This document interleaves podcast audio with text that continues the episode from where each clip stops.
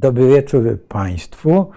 Dzisiaj po raz kolejny jest, naszym gościem jest pan ambasador Tomasz e, Orłowski, wykładowca Sciences Po we Francji, tej słynnej uczelni e, w kształcie elity. Nawet e, mail ma pan stamtąd, tak, tak. I też profesor Akademii imienia Frycza Modrzewskiego w Krakowie. Tak jest. Dobry wieczór. E, dobry wieczór. Bardzo dziękuję, że zechciał nas Pan zaszczycić swoją obecnością po raz drugi. Bardzo się cieszę. E, I proszę Państwa, dzisiaj będziemy rozmawiali o Włoszech. Tytuł, jaki daliśmy tej rozmowie, no to jest Zrozumieć Italię. Taki sobie pozwoliłem, chociaż Italia, rozumiem, to jest taki termin E, no, nie wiem, e, troszkę może nie pasujący do tej rozmowy, bo chyba Dlaczego? szerszy, no, ale no, no dobrze, nie, tak to pan, dobrze, to dobrze pan, e, Jeśli mogę wpaść w słowo, mhm. rozumiem, że to nie jest wprawdzie jeszcze temat, ale wie pan, że Włosi mieli olbrzymi problem z tym używaniem po polsku nazwy na ich kraj Włochy, który ma mhm. dosyć dziwną etymologię zresztą, ale w związku z tym usiłowali w okresie międzywojennym wprowadzić w Polsce ambasada włoska w Warszawie prowadziła całą akcję, powiedziałoby się dzisiaj, dyplomacji publicznej na rzecz przyjęcia przez Polskę, Polaków, język polski określenia Italia. Także była świadoma Aha, wola. Znaczy ja ta, temu, ta, ja, ta. ja temu może pod wpływem moich ale się rodziców, nie udało. może może pod wpływem, tak, nie udało się do końca, ale, ale pod wpływem może rodziców i tak. Yy, Panie ambasadorze, Italia, Italia, Włochy są krajem e, niezwykle ciekawym i ważnym, no bo jest krajem, który tworzył e, Unię Europejską. Jest e, potęgą gospodarczą, należy przecież do, do tej siódemki tak. świata. No jest krajem, który liczy się w Unii Europejskiej, jeżeli cokolwiek będzie się zmieniało, Unia będzie się zmieniała, no to ten proces na pewno nie wydarzy się. Przy to trzeba będzie traktat rzymski zmienić. Trzeba, tak, trzeba właśnie traktat rzymski, no tak, no właśnie. Tak, tak. tak. ale oprócz traktatu rzymskiego mamy jeszcze raport rzymski, prawda, który się odnosi do, tak. do problemów tego świata. I tak. y, y, chciałbym pana zapytać najpierw o rzecz taką współczesną bardzo. Mianowicie, jaki jest a potem przejdziemy do, do historii, kultury, mm -hmm. tożsamości Włochów i, i, i w ogóle tego państwa, do tego, co do ich takich y, wydarzeń, które ukształtowały tę mm -hmm. tożsamość. Dobrze, ale y, jak Włochy dzisiaj, y, jaką postawę przyjmują wobec wobec y, tej agresji rosyjskiej na, na Ukrainę, bo to, to nas wszystkich za, zaskoczyło, prawda? E, wydawałoby się, że Włochy mają bardzo dużo kontaktów y, z Rosjanami czy z Rosją. No, no Berlusconi osobiście, tak. osobisty przyjaciel Putina, tak. nawet, prawda? Y, no ale już pani, pani premier tak? No, no, trzeba by zacząć jednak od premiera to... Dragiego, od mhm. poprzedniego rządu. Tak. Rząd Mario Draghi, czyli, czyli ten techniczny, trudno powiedzieć, ale jednak techniczny rząd, który. No ale przez... Włosi tak mają, że ciągle się te rządy zmieniają i często tak, chyba są tak, takie rządy. Tak, tak. No, rządy, rządy techniczne, mniejszościowe. Nie trwają, nie tak. trwają długo we Włoszech, taka jest tradycja o której prawdopodobnie w ciągu, w ciągu tej godziny będziemy też mówili. Ale chcę powiedzieć, y, od razu reakcja była bardzo jasna, jeśli chodzi. Nawet, nawet powiedziałem, zdziwiła swoją mocą. Ja mam cały czas bardzo wielu kolegów, z którymi jestem w stałym kontakcie, y, i dyplomatów włoskich, trochę polityków, i wojskowych wysokiej rangi. I muszę powiedzieć, że y, ale to nie było w ogóle cienia e, wątpliwości, po której stronie należy się opowiedzieć. Muszę powiedzieć, że wtedy się okazuje, że jakby ten e, aspekt stricte e, ekonomiczno-finansowy, korzyści, ustępuje miejsca poczuciu, powiedziałbym, humanizmu czy humanitaryzmu, poczuciu, poczucia takiej ludzkiej i z tym mi się Włochy kojarzą. Ludzkiego poczucia solidarności z innymi. Włochy w związku z tym kategorycznie stanęły po stronie, po stronie Ukrainy. Owszem, były pierwszym, który próbował znajdować rozwiązanie pokojowe. To od razu chyba w kwietniu albo maju rząd włoski y, zaproponował czteropunktowy mm, y, y, program negocjacyjny dla ewentualnego przynajmniej zawieszenia broni i, i dalej negocjacji jakiegoś rozwiązania pokojowego, który notabene nie został przyjęty przez żadną ze stron. Był, jak na moje wyczucie, był całkowicie kontrowersyjny, niemożliwy do przyjęcia. Ale tak czy inaczej, Włochy stanęły po tej stronie i stały się, co też może dziwić, jednym z pierwszych dostawców broni do Włoch, do, e, dla Ukrainy. To jest jedno. I teraz tak, następuje zmiana rządu. E, do władzy dochodzi formacja polityczna, czy też koalicja, której trzon stanowi e, partia tak określająca się mianem braci włoskich. Fratelli d'Italia to jest po prostu, to są pierwsze słowa hymnu Włoch. I to stąd jest bracia włoscy. Fratelli d'Italia, która gdzieś tam daleko, daleko sięgając, ale naprawdę daleko sięgając, miała pochodzić z takich resztek ruchu, który kiedyś określał się mianem postfaszystowskiego. Ona od tego odeszła, aczkolwiek zostawiła to, to fiamma tricolore, czyli trzykolorową, e, trzykolorowy płomień, który był symbolem tego, tego, tego e, ruchu emisji. E, to zostało, w, w, ale muszę powiedzieć, że e, po pierwsze, i to zauważyli wszyscy obserwatorzy, włoska polityka zagraniczna okazała się być całkowitą kontynuacją polityki rządu Maria Draghi. Więc nie było zmiany. Co więcej, bardzo kontrowersyjny wielbiciel Putina, czyli, e, czyli e, Matteo Salvini z partii, e, z partii Ligi kiedyś północnej, czyli taki, kiedyś to się zaczęło jako ruch separatystyczny północno-wschodnich Włoch, Matteo Salvini został pozbawiony stanowiska tego, które, na które liczył, czyli stanowiska e, ministra spraw wewnętrznych i został tylko skierowany na transport. E, innymi słowy, został pozbawiony czegoś, co no, powiedziałoby się, że to jest taki resort. E, Francuzi zawsze mówią na to resort suwerenności narodowej, czyli ten znaczący, prawda? Polsce. Zresztą też MSW to jest jeden z no, tych tak. trzech wielkich resortów, które, które, które e, mają znaczenie. E, on został pozbawiony, dlatego że e, premier Meloni nie widzi dla niego miejsca i bardzo ostro dyscyplinuje każdego, kto próbowałby jakiekolwiek gesty, które mogłyby oznaczać dwuznaczność w polityce włoskiej. Odwrotnie, przedstawiciel w końcu dzisiaj już bardzo niewielkiej partii, bo zmniejszyła się, e, zmniejszyło się znaczenie Forza Italia, dawnej partii Berlusconiego. Jej przedstawiciel w rządzie e, jest Antonio Tajani, jest nie tylko ministrem spraw zagranicznych, ale i wicepremierem. O co chodzi?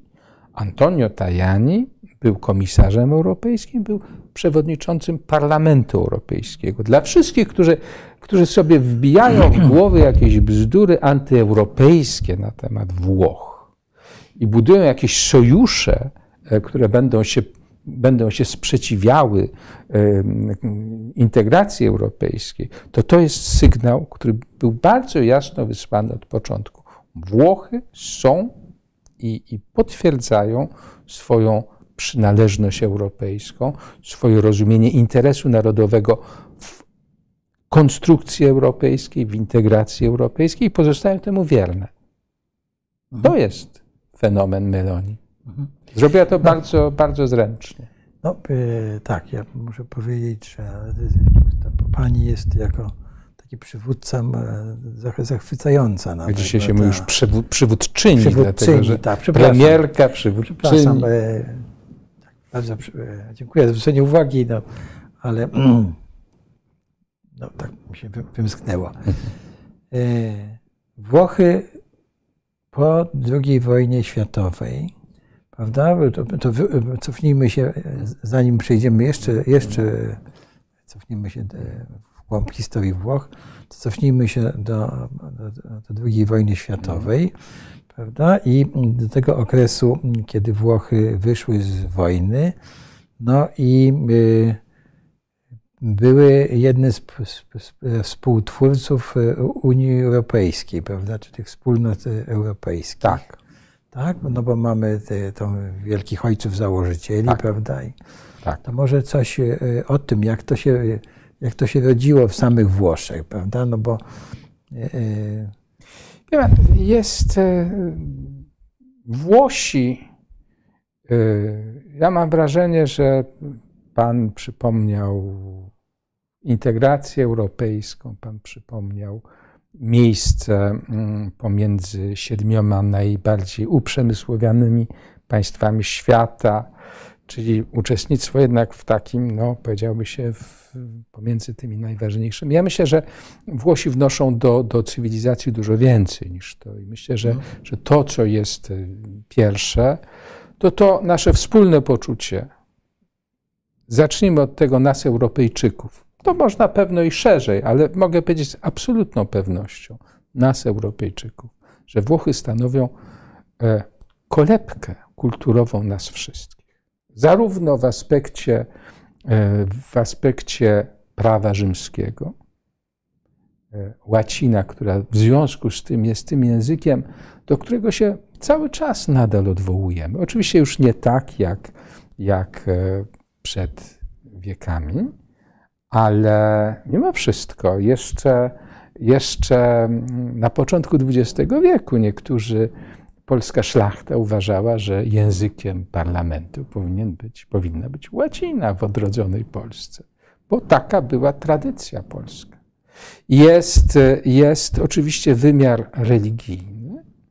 Rzym jako stolica e, Kościoła katolickiego, siedziba papieża, biskupa Rzymu, namiestnika świętego Piotra jest, jest tym miejscem, do którego pielgrzymkujemy. To jest to miejsce, które, w, którym w którym rozpoznajemy naszą wiarę, z której pochodzi również e, no, nie tylko ten kościół, ale na przykład pierwszy kościół w Polsce. Czyli kiedy po chrzcie w 966 roku przyszło tworzyć pierwsze klasztory, to w dużej mierze to były kongregacje włoskie, benedyktynów włoskich, którzy przybyli i przynieśli z sobą również olbrzymi e, dar cywilizacyjny. E, uprawę, uprawę rolnictwa podnieśli na wysoki poziom. E, przynieśli hodowlę róż, co może nie jest najważniejszą z rzeczy, tak. ale już na przykład ryb, drobiu, mhm. pierwsze, pierwsze, prawdopodobnie pierwsze młyny wodne, potem wiatraki. To wszystko było tym dziełem tak. cywilizacyjnym, które przynieśli, przynieśli mnisi włoscy.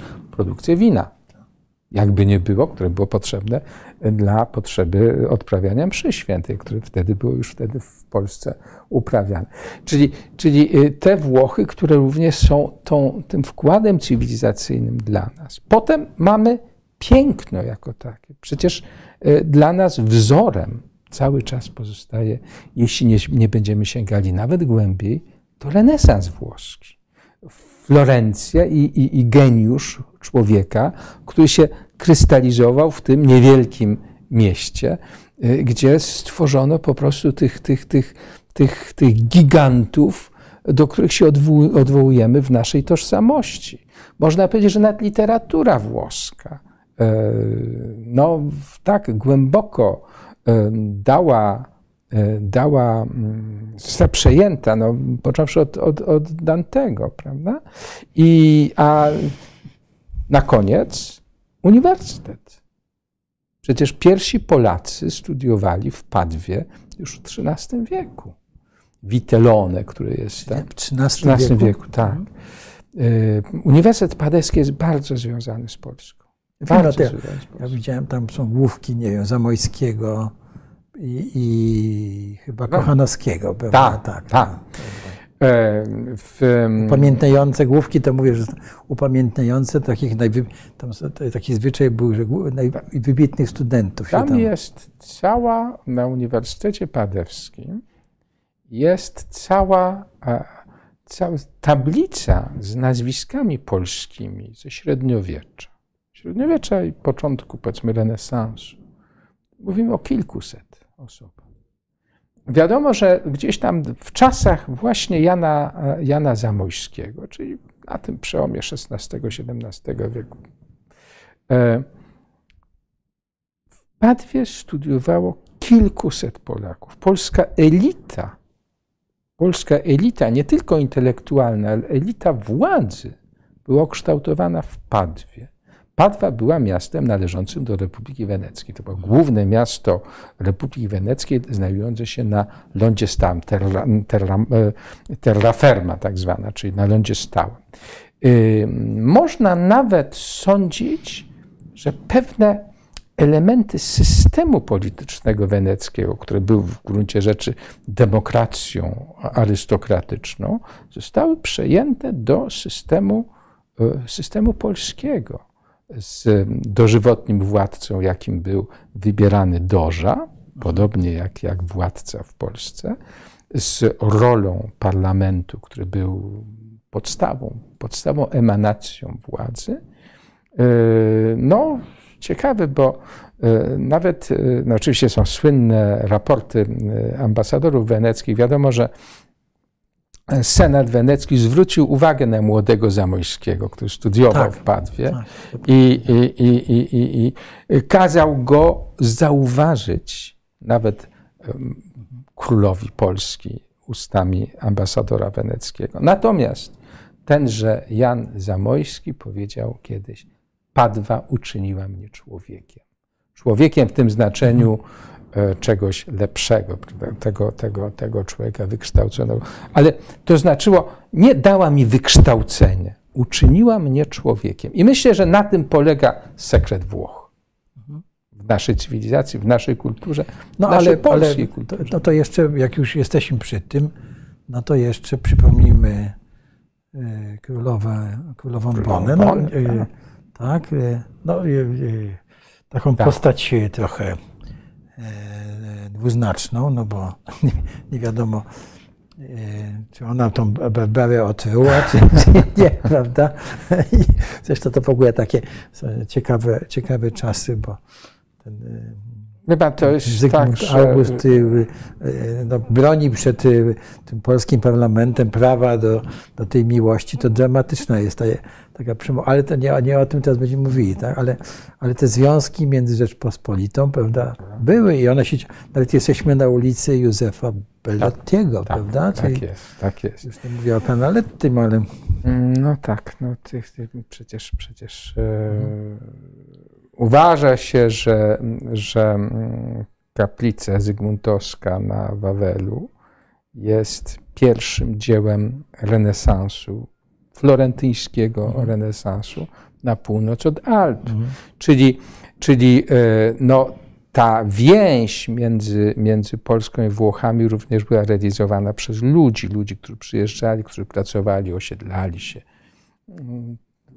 mieliśmy wymianę, która szła w obie strony.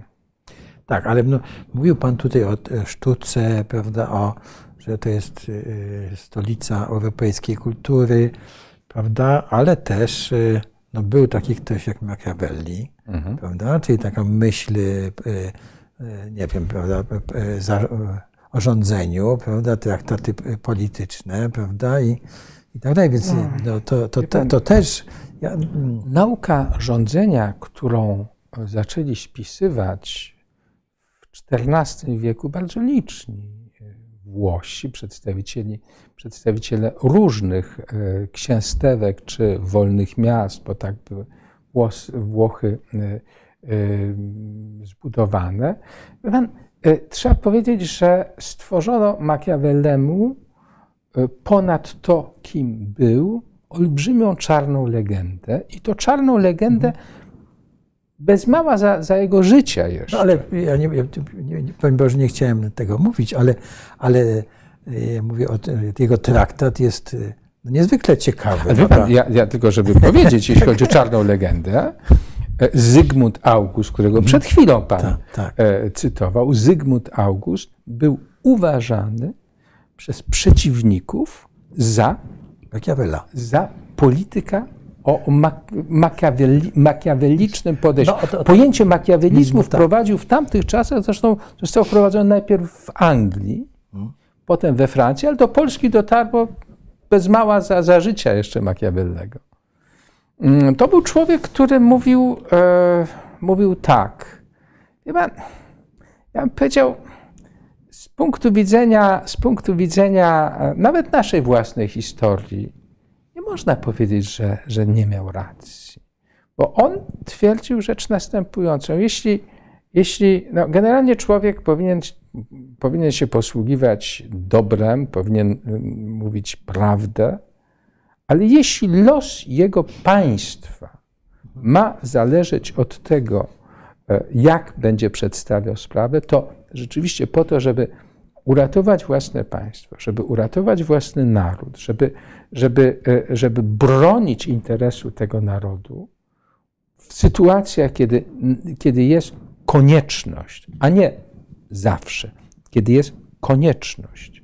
Wtedy trzeba rzeczywiście posługiwać się. Czyli kiedy fortuna, kiedy fortuna odwraca się, wówczas virtu, czyli cnota, musi również ulec na korzyść tego, co będzie broniło państwa no, przed... czyli dobro, że tak powiem, publiczne tak. ponad y, cnotę trochę. Tak, tak, tak. tak. Tutaj mamy y, komentarz, że królowa Bona nadawała się na króla. Tak, no to była bardzo mądra osoba, ale y, to jest na inną okazję rozmowa, prawda? To jest, Wspomniał Pan tutaj o, o Wenecji, mhm. prawda, że Padwa była, tak. należała do Republiki tak. Weneckiej. Tak. Czyli Wenecja y, to już jest taki y, y, i w ogóle inne, Toskania, i to jest taki okres prawda, takiego, nie wiem, różnych państw włoskich, bardzo, bardzo bogatych, tam się rodził przecież kapitalizm, nawet y, chyba, tak? E, na pewno finanse, finanse bankowość. bankowość. Może no, nie kapitalizm, ale, ale, ale, z całą ale jak, bankowość. Jak, jak y, Brodel pisze to tak, swoją tak, pracę, no to tak, tak, pisze, tak. to, to trzytomowe dzieło, no to tak. dużo pisze właśnie tak, chyba o Włoszech. Tak. Również dlatego, że się zachowały, że się zachowały, hmm. zachowały się. On pisze o, o, kapitalizmie e, przede wszystkim handlowym, tak. ale e, proszę zwrócić uwagę, że banka, banka. E, samo słowo, czyli ława, hmm. Słownictwo, które mamy do dzisiaj w bankowości, jest słownictwem włoskim. Hmm. Bankarotta, rozwalona czy przewrócona ławka, to jest bankrut bankructwo. Tak. Do dzisiaj się posługujemy słowem kredyt, debet. Mhm. To są wszystko słowa, no, które pochodzą... Kredere to chyba jest zaufać. Ale wiara, ci... tak, to, to, to, dać wiarę, dać, czyli, wiarę, tak. czyli, czyli tak. zaufać, że te pieniądze zostaną zwrócone. Zaraz wrócimy do tego, ale mhm.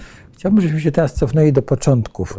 Na, na ile w świadomości, znaczy, znaczy inaczej, tożsamość Włochów, prawda? Co? Mhm przed chwilą tu rozmawialiśmy, że my Polacy mamy kłopot z, z naszą tożsamością, ale przecież to jest państwo, które powstało na, e, że tak powiem, e, podstawie takiej ogromnej, szerokiej i głębokiej podstawie historycznej. Od Rzymu, nie wiem, Etrusków i tak dalej, więc no więc tak, no proszę zobaczyć, że e, rzeczywiście ma Pan rację, że ten Rzym jest symbolem dla nas e, symbolem. No my akurat nie, nigdy nie należeliśmy do imperium.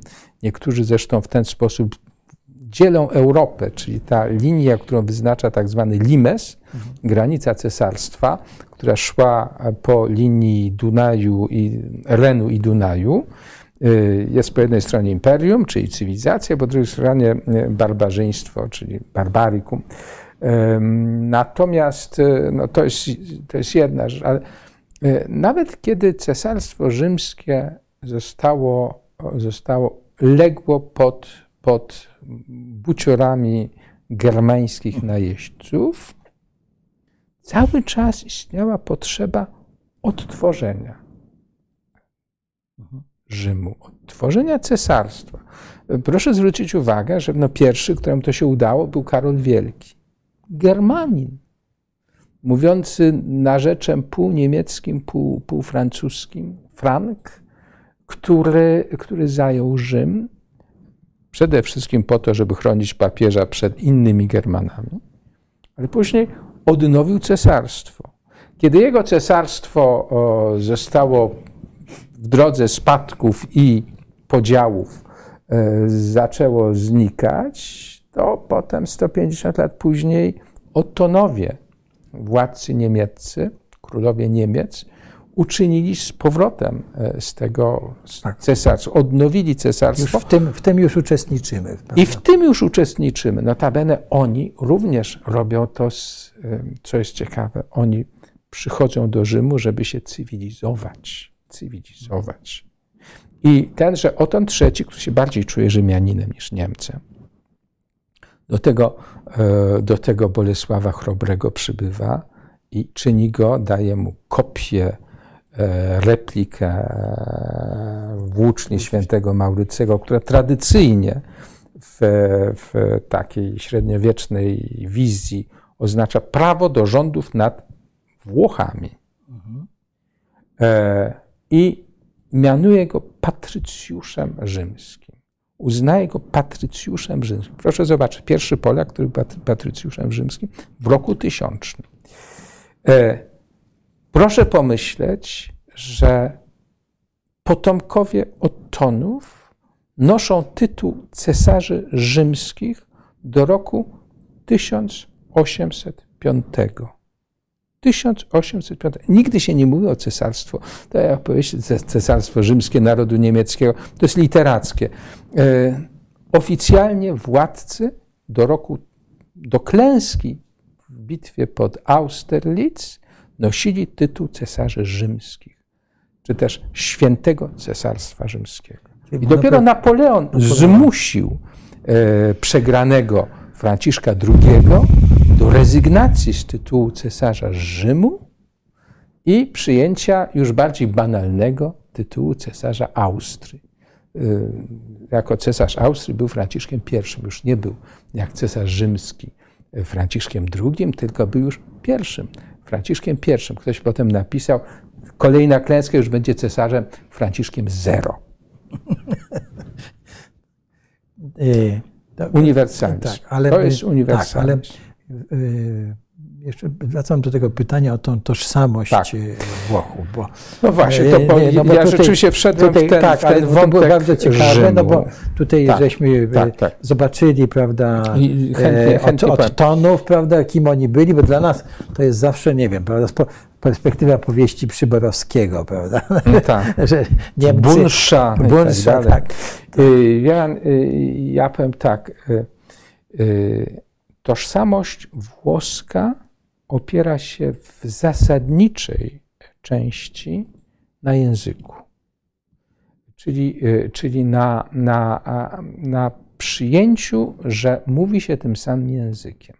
To jest bardzo ciekawe, dlatego że y, ja się na tym złapałem dopiero kiedyś, kiedy no, obok tego, że byłem ambasadorem we Włoszech, formalnie do mojego mandatu ambasadorskiego była była również dołożona e, funkcja reprezentującego Rzeczpospolitą Polską przy e, Republice San Marino, najstarszej republice na świecie.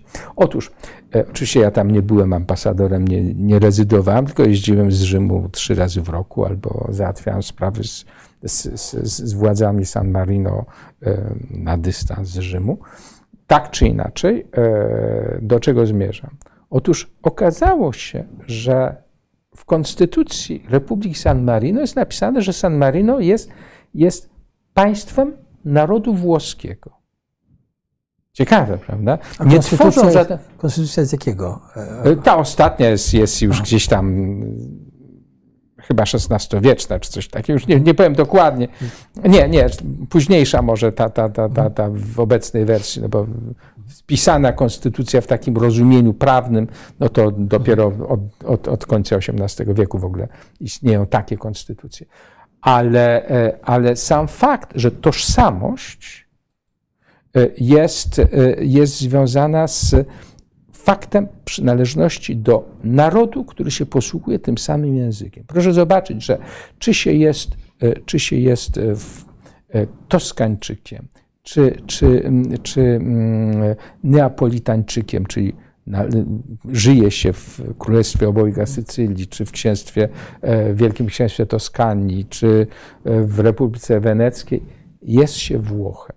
Tego nigdy nie kontestowano i nie próbowano tworzyć narodu weneckiego, nie próbowano tworzyć narodu toskańskiego. Jak mogło Ale to, się. To dziwne, bo przecież w tym, e, w tym e, w jakimś okresie, tak, już nie chcę tu wymienić siła, siła, siła języka, pan, no siła no przecież te, te państwa włoskie, mhm. one były, no każde inne, każdy inny władca, tak. E, właściwie inna tożsamość, prawda, no bo ta potężna Wenecja, prawda, i inna i jak to się stało, że oni się z, z, po pierwsze, zjednoczyli? Oni się, zjednoczenie jest bardzo późne.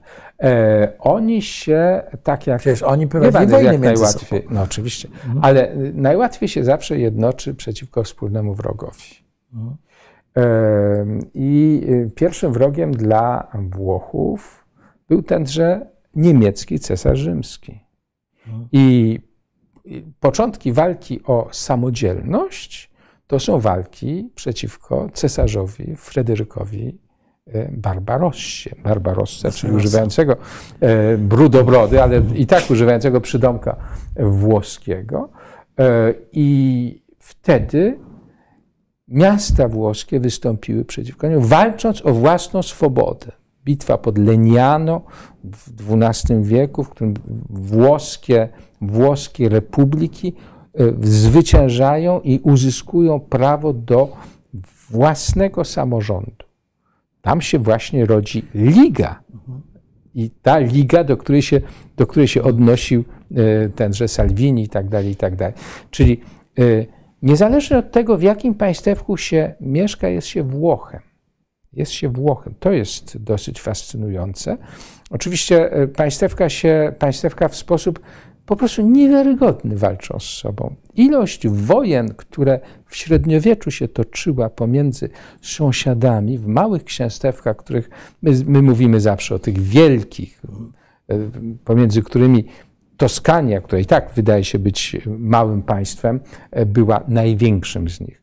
Otóż, e, otóż w połowie XV wieku, mniej więcej w czasach, w czasach, w czasach renesansu, tworzy się taki model, notabene to jest fascynujące, to zostało nazwane modelem, e, modelem właśnie italskim, równowagi włoskiej, polegający na tym, że niezwykle uzdolnieni politycy reprezentujący główne miasta, a główne miasta, czy, czy miasta państwa, Florencję, e, Mediolan i Wenecję, postanowiły stworzyć system, który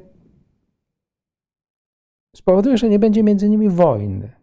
To jest, to jest pierwsze użycie tego, co potem się stało e, modne pod nazwą równowagi sił. Anglicy na to mają no bardzo tak, zawsze bardzo uważamy, że to jest ojczyzną tego jest właśnie Anglia. Tak? I że to jest Kongres Wiedeński. Tak, tak naprawdę to to zostało stworzone w połowie XV wieku. E, właśnie ten, ten, ten, ten, ten, ta równowaga sił, equilibrio italico, jest włoskie, pochodzi z połowy XV wieku i funkcjonował przez pół wieku. Przez pół wieku Włochy, w czasach, kiedy cała Europa e, prowadziła wojnę, Włochy były bez wojen.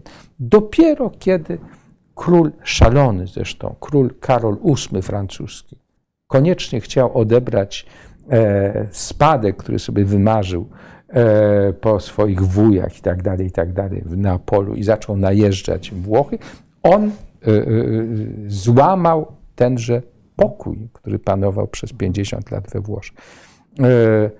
Włochy rozwijały się mówiąc inaczej, w, w mm, mnogości państw, ale cały czas mając poczucie, że, że, że są dziedzicami tego samego wspólnego przodka, jakim, jakim jest duch Włoch, język, kultura. To nie było nigdy co do tego wątpliwości. E, dosyć fascynujące. Z tego punktu widzenia można by powiedzieć niedosłownie, że pewne podobieństwo do późnej historii, czyli czasów e, rozbiorów, istnieje, bo w Polsce w gruncie rzeczy nasz opór przeciwko ciemiężycielom, zaborcom, opierał się na naszej wspólnocie językowej, języka polskiego. Myśmy zostali również, utrzymaliśmy się w dużej mierze dzięki, dzięki temu, że niezależnie od tego, czy było się z, ze Śląska, z Pomorza, czy, czy, czy, czy, czy z Podlasia, mówiliśmy po polsku, mieliśmy poczucie tożsamości. Nikt nie wątpił, że jesteśmy Polakami. Nawet tak, no były te same te same kody I z tego punktu widzenia tak. jest duże podobieństwo. Mhm.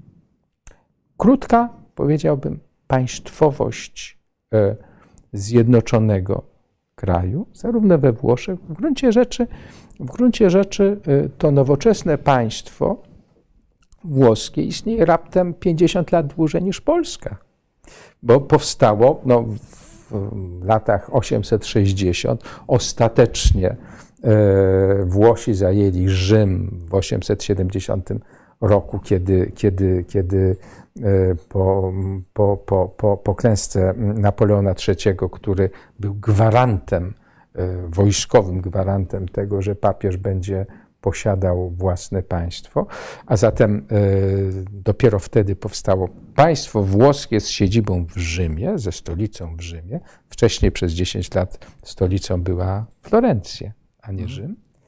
E, no trochę tak, no my raptem, raptem 50 lat później odzyskaliśmy niepodległość jako, jako państwo na nowo na mapie Europy. A e, chciałbym pana zapytać o taką e, historię niektórych z tych państwek, mm -hmm. bo, mhm. bo jest e, e, ciekawa. Na przykład San Marino, no nie jest włoskie dzisiaj, prawda?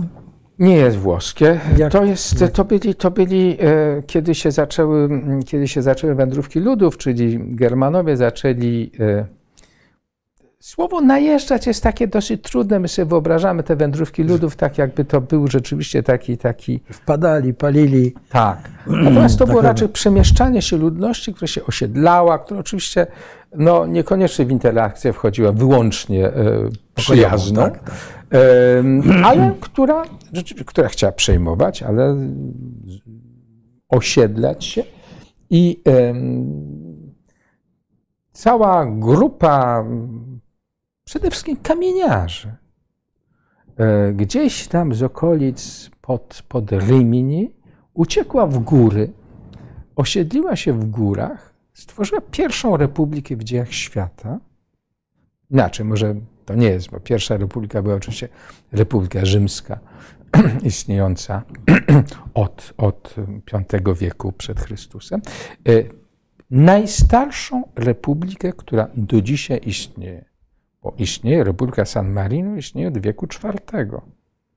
Niezmiennie, bez przerw, z bardzo specyficznym, antycznym sposobem sprawowania władzy, który jest oparty na Republice Rzymskiej, antycznej Republice Rzymskiej. Jak wiadomo, w Republice Rzymskiej byli powoływani na pół roku dwaj konsulowie, którzy byli głową państwa i rządem w tamtych czasach. Więc było, były dwie osoby, które spełniały przez pół roku te obowiązki. Jedna kontrolowała drugą troszkę i na tej zasadzie jakby e, społeczeństwo dawało mandat. Jedynie gdy dochodziło do E, do, sytuacji wojennej e, dochodziło do tego, że trzeba było jednemu przekazać władzę, wówczas stawał się tym słynnym dyktatorem na czas wojny i był jeden, no bo rozkazy może dawać jeden, a nie dwóch. Natomiast potem wracało do normalnego systemu i tych normalnych dorocznych zmian konsulów dwóch konsulów. To istnieje do dzisiaj w San Marino. W San Marino do dzisiaj e, system jest oparty na wyborze raz na pół roku dwóch kapitanów regentów. To się nazywa kapitanowie regenci. E, jest to dosyć zabawne, dlatego że e, z punktu widzenia stricte konstytucyjnego, jako głowa państwa, występują zawsze we dwóch. Nie może być jeden. Musi być dwóch. I pamiętam, że jak składałem listy uwierzytelniające, piękna ceremonia, wspaniałe mundury w tym, w tym pałacu komunalnym, gdzie, gdzie była siedziba władz, e, przychodzę i przede mną staje dwóch kapitanów regentów, którzy mieli takie szarfy w kolorach biało-błękitnych e, Republiki. I ja, przy mnie minister spraw zagranicznych, i ja mówię, ale któremu ja mam wręczyć listy uwierzytelniające, bo listy uwierzytelniające wręcza się oburącz tak. głowie państwa. I my, któremu z nich? Na co minister mi szepnął, tutaj jest taki stolik, niech pan położy przed nimi. e, ale San Marino, proszę zobaczyć, to trwało niezależnie od tych wszystkich e, zakrętów historii. Może dlatego, że było takie małe i nikt jakoś nie, jest, specjalnie nie... Jest strategiczne miejsce tak. może, tak. I przetrwało do tego stopnia, że samodzielność San Marino uszanował nawet reżim faszystowski Mussoliniego.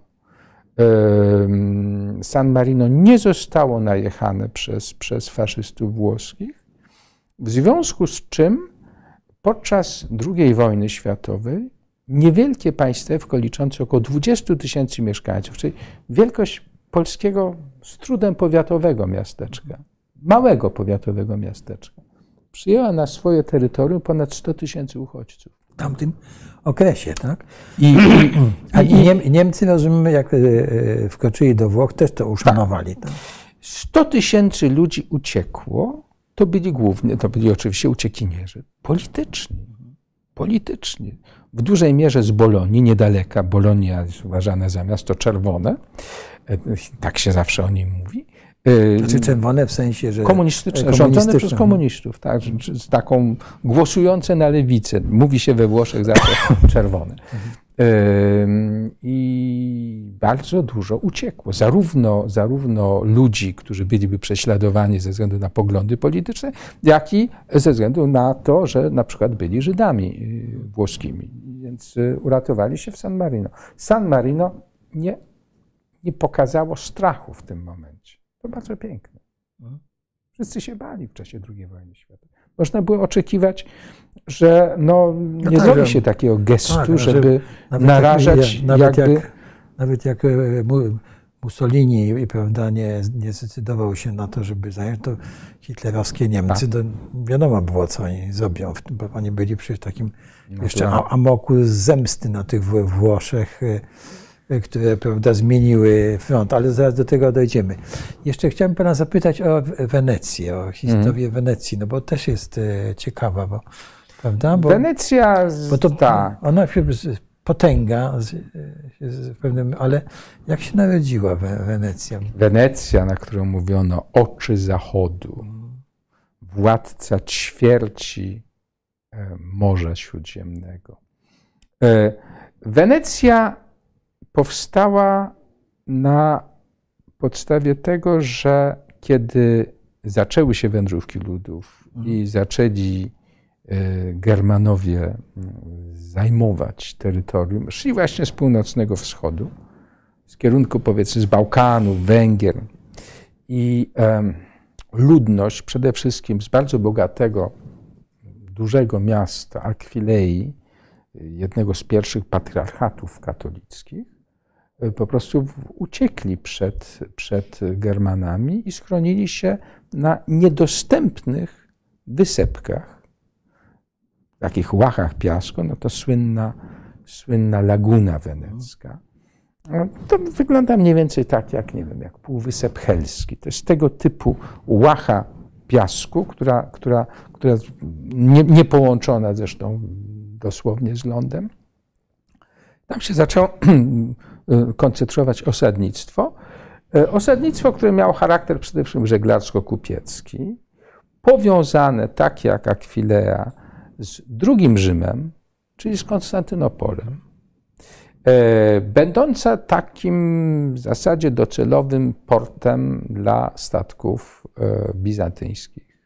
I powiedziałoby się, że wielka kariera na początku Bizanc Wenecji polega na tym, że była, że była no, w pewien sposób można to nazwać, jeśli słowo ma takie znaczenie, ale nie, nie, nie, nie dosłownie takie jak dzisiaj przydajemy, była kolonią e, bizantyjską w Italii. Jako takie miejsce, gdzie, gdzie, gdzie statki bizantyjskie dopływały i gdzie prowadzono handel pomiędzy bogatym Lewantem i Italią, czyli e, bramą do zachodu, e, na tym się zbudowała wielka, e, wielka sława Wenecji, olbrzymie możliwości, również finansowe, polityczne.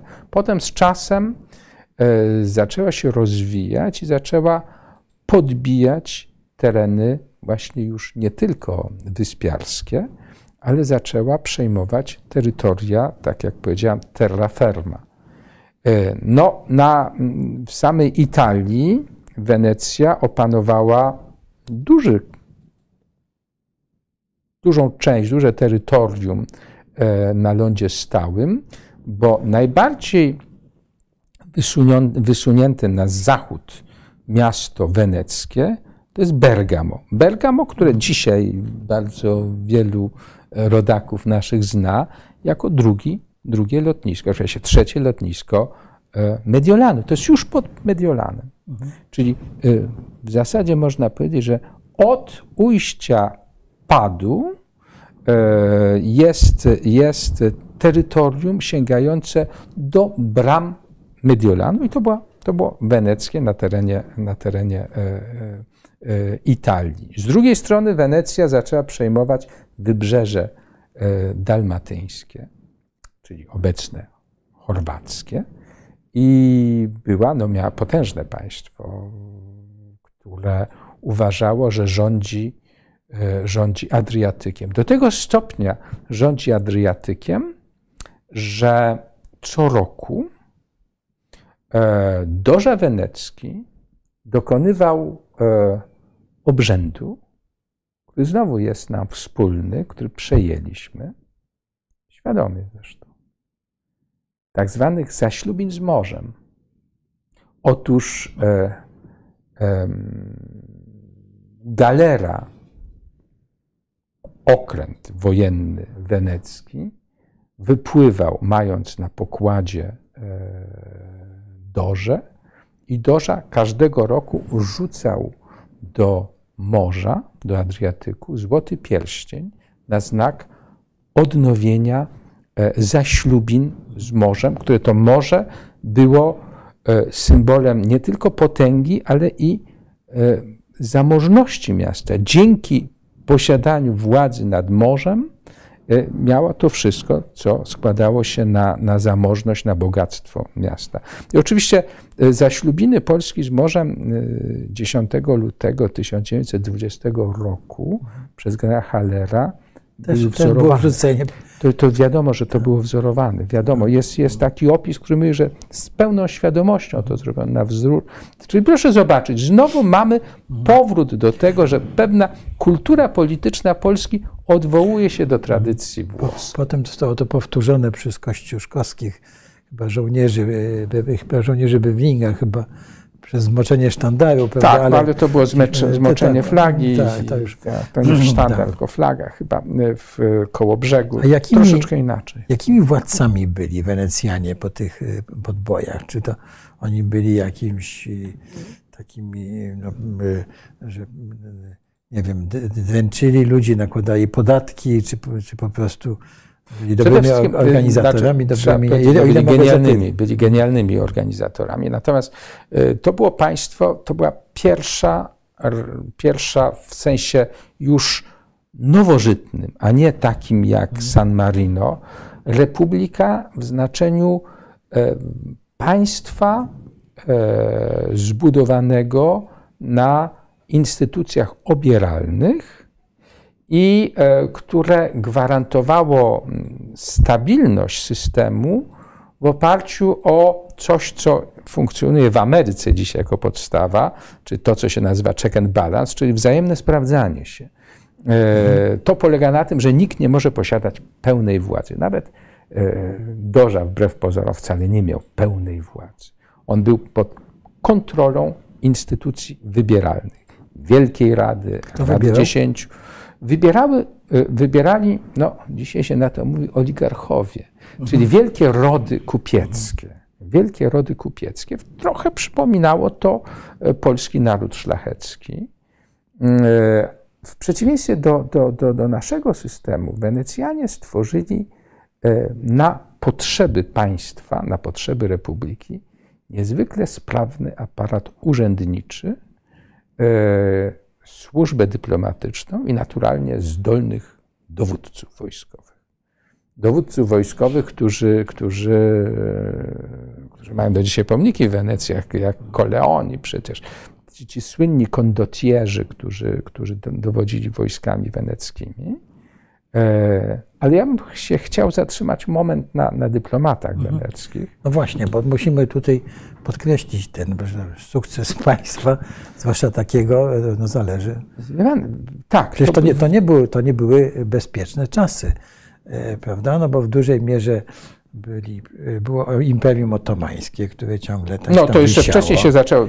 Jeszcze tak, wcześniej. Ale, no ale, ale no, prawda? E, Wenecja stworzyła zawodową służbę dyplomatyczną już mniej więcej w wieku XIII-XIV.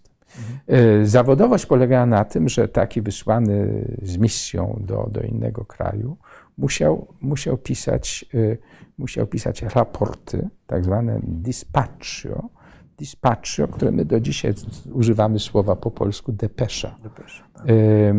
Anglicy mówią dispatch do dzisiaj w służbie tak. dyplomatycznej, które są raportem o tym, co się dzieje w danym kraju. Raportem, który był szyfrowany za pomocą specjalnych kodów, które, które przygotowywano dla i który był który był pełną, pełnym źródłem wiedzy na temat innego kraju. Proszę sobie wyobrazić, że raporty ambasadorów weneckich, które są zachowane w olbrzymiej ilości, są w Archiwum Państwowym w Wenecji, ale były arcydziełami stylu. Do tego stopnia, że istniały potem kolekcje, ludzie robili sobie odpisy takich. E, pewien, pewien E, pewien e, e,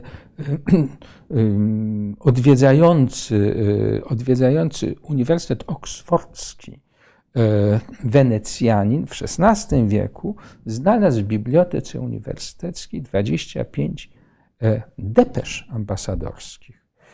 Ambasador, dożowie robili sobie kolekcję najciekawszych depesz. Najważniejsza z tych depesz już nie była depesza, tylko to była relacja. Relacja, czyli raport na koniec misji, który był wygłaszany przez, przez ambasadora, który powrócił, stawał, czasem mówił przez dwie do trzech godzin, to to jest zachowane.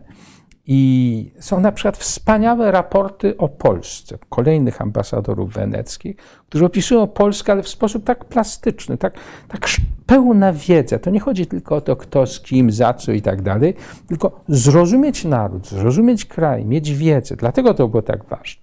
W XVIII wieku pewien e, najwybitniejszych angielskich y, dyplomatów XVIII-wiecznych, szkoląc swojego syna, napisał do niego, taki był zwyczaj wówczas, że, mhm. że angielscy arystokraci e, uczyli swoich synów jako następców, e, wysyłając do nich listy, jak rządzić, jak e, mhm. forma edukacji i napisał: Pamiętaj, synu, jak będziesz na placówce, trzymaj się najbliżej ambasadora weneckiego, bo to jest człowiek najlepiej poinformowany w stolicy.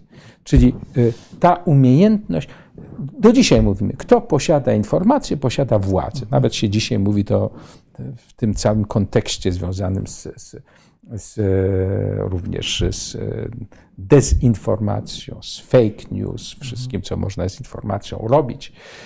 Z, otóż już wówczas wiedziano, że posiadanie informacji, tak jak posiadali Wenecjanie, jest elementem posiadania władzy. A chciałem pana zapytać o system społeczny. Wspominał pan tutaj o Rzeczpospolitej. No, u nas yy, yy, ten system pań, pańszczyźniany, prawda, się za, za, za, zacieśniał kontrolę nad, nad chłopami, no, którzy by, by żywili. Nawet chciałem pana zapytać, jak to było w tych Włoszech renesansowych, no, XVII-XVIII znaczy- wiecznych, czy to był taki system e, no, feudalizm feud, był, ale no, chodziło mi o tym, e, jak było, jeśli chodzi o takie e, no, obowiązki chłopów, urządzenie, w ogóle jakie, jakie, jakie rolnictwo. Przecież znaczy- ta Wenecja była na wybrzeżach, na tych wyspach. No, musiała urządzić sobie jakieś zaplecze. Wenecja, przede wszystkim Wenecja posługała się rolnictwem na terenie Chorwacji. Mhm. I była wielkim e, powiedziałoby się, wielkim um, dystrybutorem zboża. E, notabene właśnie wielkie firmy kupieckie, weneckie handlowały zbożem e, bałkańskim, chorwackim, dalmatyńskim. E, to była już wyższa szkoła jazdy, właśnie brodeliańska, dlatego że oni robili na przykład opcje, tak jak się dzisiaj robi z ropą naftową, tak. prawda? Opcje typu e, e, sprzedaje ci, e, sprzedaje ci zboże po takiej cenie, które dzisiaj e, ustalamy, a która ma być aktualna za rok. Na tym polega system opcji. Prawda? Mhm. I zdarzało się, na przykład jest znana historia, gdzie e, był, był nieurodzaj i kupcy weneccy przyjechali do Gdańska zakontraktować zboże z Polski, które miało zastąpić to zboże e, dalmackie, którego zabrakło. Y, no więc tak, oczywiście rolnictwo we Włoszech, proszę pamiętać, nam się zapominamy o tym. Włochy są krajem potwornie górzystym. Mhm. Y, to nie chodzi o Alpy. Nie, ja rozumiem, że to jest w ogóle inny troszkę klimat, in, inny rodzaj rolnictwa. To, to trzeba nie, poznać to jest, bliżej, żeby zobaczyć, że to jest kraj, gdzie miejsca na rolnictwo jest bardzo niewiele, y, gdzie bardzo szybko, no, niedaleko sięgając, E, najbliższa stacja narciarska od Rzymu jest 60 km od miasta. 60 tak. km. I, I czasem się widzi nawet z miasta, tak. widzi się ten śnieg, który cały czas zakrywa e, szczyty. E, rolnictwo nie jest wielką zaletą Włoch. Proszę pamiętać, mhm. że na przykład już w czasach antycznych Rzymianie sprowadzali zboże od czasów Juliusza Cezara w gruncie rzeczy z Egiptu i z Tunezji. To było zboże, to było zboże e, e, afrykańskie. E, port w Ostii, czyli miasteczku nad, nad brzegiem położonym przy ujściu Tybru i położonym od, od miasta Rzymu mniej więcej mniej niż 20 kilometrów. To był główny port zaopatrujący Rzym. To był, to był port z którym się przywoziło zboże. Także nie było wielkiej produkcji rolnej. Największa produkcja rolna we Włoszech, ta klasyczna typu zbożowego, to jest jednak Sycylia. E, również spalona słońcem, ale mimo wszystko, mimo wszystko dająca piękne plony. E, dużo więcej jest tego, tego rolnictwa śródziemnomorskiego, które, które które może, może się udawać bez mała na skalę, tak jak oliwki, winorośl, które są krzewami łatwo rosnącymi, e, naturalnie hodowla zwierząt, naturalnie e, rybactwo, czyli no, tak, korzystanie, dookoła, korzystanie tak. z trzech mórz, które, które, mhm. które otaczają. Y, ale proszę pamiętać, że Włochy jednocześnie bardzo szybko, dzięki właśnie średniowiecznej karierze miast, e, miast kupieckich, e, a tych miast kupieckich było dużo więcej, miasta kupieckie są zarówno, tak na początku są cztery republiki morskie, czyli cztery republiki morskie.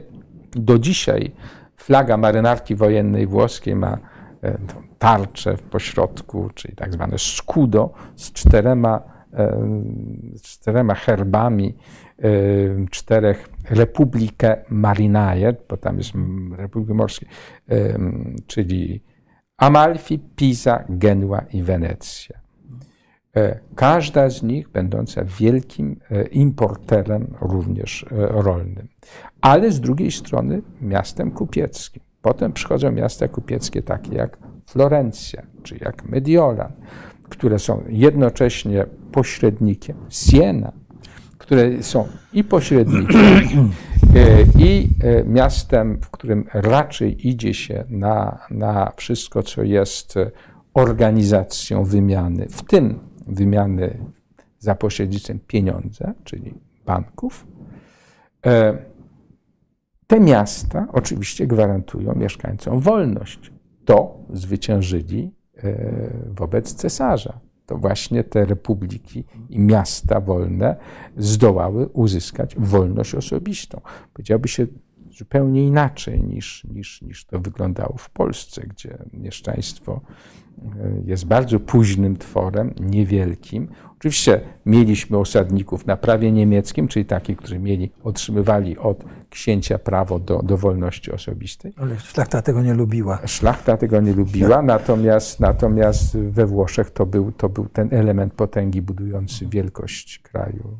Zdecydowanie. Znaczy ten, czyli taki pewnego rodzaju e, swoboda prawda, w zarządzaniu tak, I pozwalanie to, ludziom też. E, no, powiedziałby się, pójście, to było jedne z tych państw, które poszło szybciej w kierunku systemu gospodarki opartego na usługach hmm. niż na no tak. produkcji rolnej. Hmm. E, oczywiście miał również swoją działalność e, typu przemysłowego, ale takiego preindustrialnego, przede wszystkim tkaniny. Hmm.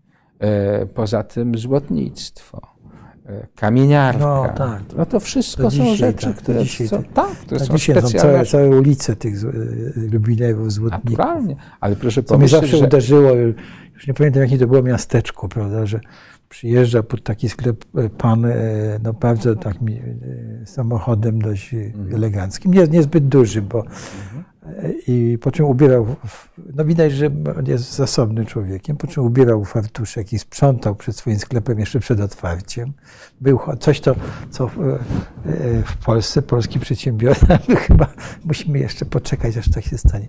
Przed tym niezwykle e, pięknie urządzonym sklepem e, mył ulicę i sprzątał, po czym zajmował ten fartuch, mył ręce i, no i, i prawda, zajmował się sklepem. Ja muszę powiedzieć, moje doświadczenie e, lat spędzonych we Włoszech polega na tym, że jestem przekonany, że bardzo ważnym elementem tożsamości włoskiej jest, jest e, obcowanie na co dzień z pięknem. Mhm. E, to jest piękno natury, to jest piękno pogody, to jest piękno klimatu, to jest piękno dzieła człowieka. E, wie pan, ludzie są inni, kiedy, kiedy patrzą na piękno, kiedy, kiedy, kiedy ich, ich zwyczaje łagodnieją. Kiedyś pamiętam, miałem taką historię, zawsze się z niej śmieję, jak byłem pierwszy raz na placówce w Rzymie, e, byłem wtedy ministrem pełnomocnym i mm, pamiętam, że z jakąś sprawą pobiegłem i no, tak jest zdenerwowany, że się nie zajmują ci włoscy koledzy, bo tutaj za dwa tygodnie mamy wizytę ministra. A ten kolega włoski mówi, Tomek, podejdź tam do okna. Co Popatrz. tam widzisz? A co ty chcesz? Bo już co tam widzisz? No, widzę, no widzę kopułę świętego Piotra, widzę kość. Zobacz, to ma dwa i pół tysiąca lat. A ty mi mówisz o dwóch tygodniach. I, I o, nagle... Jakimś, o jakimś ministrze, tak.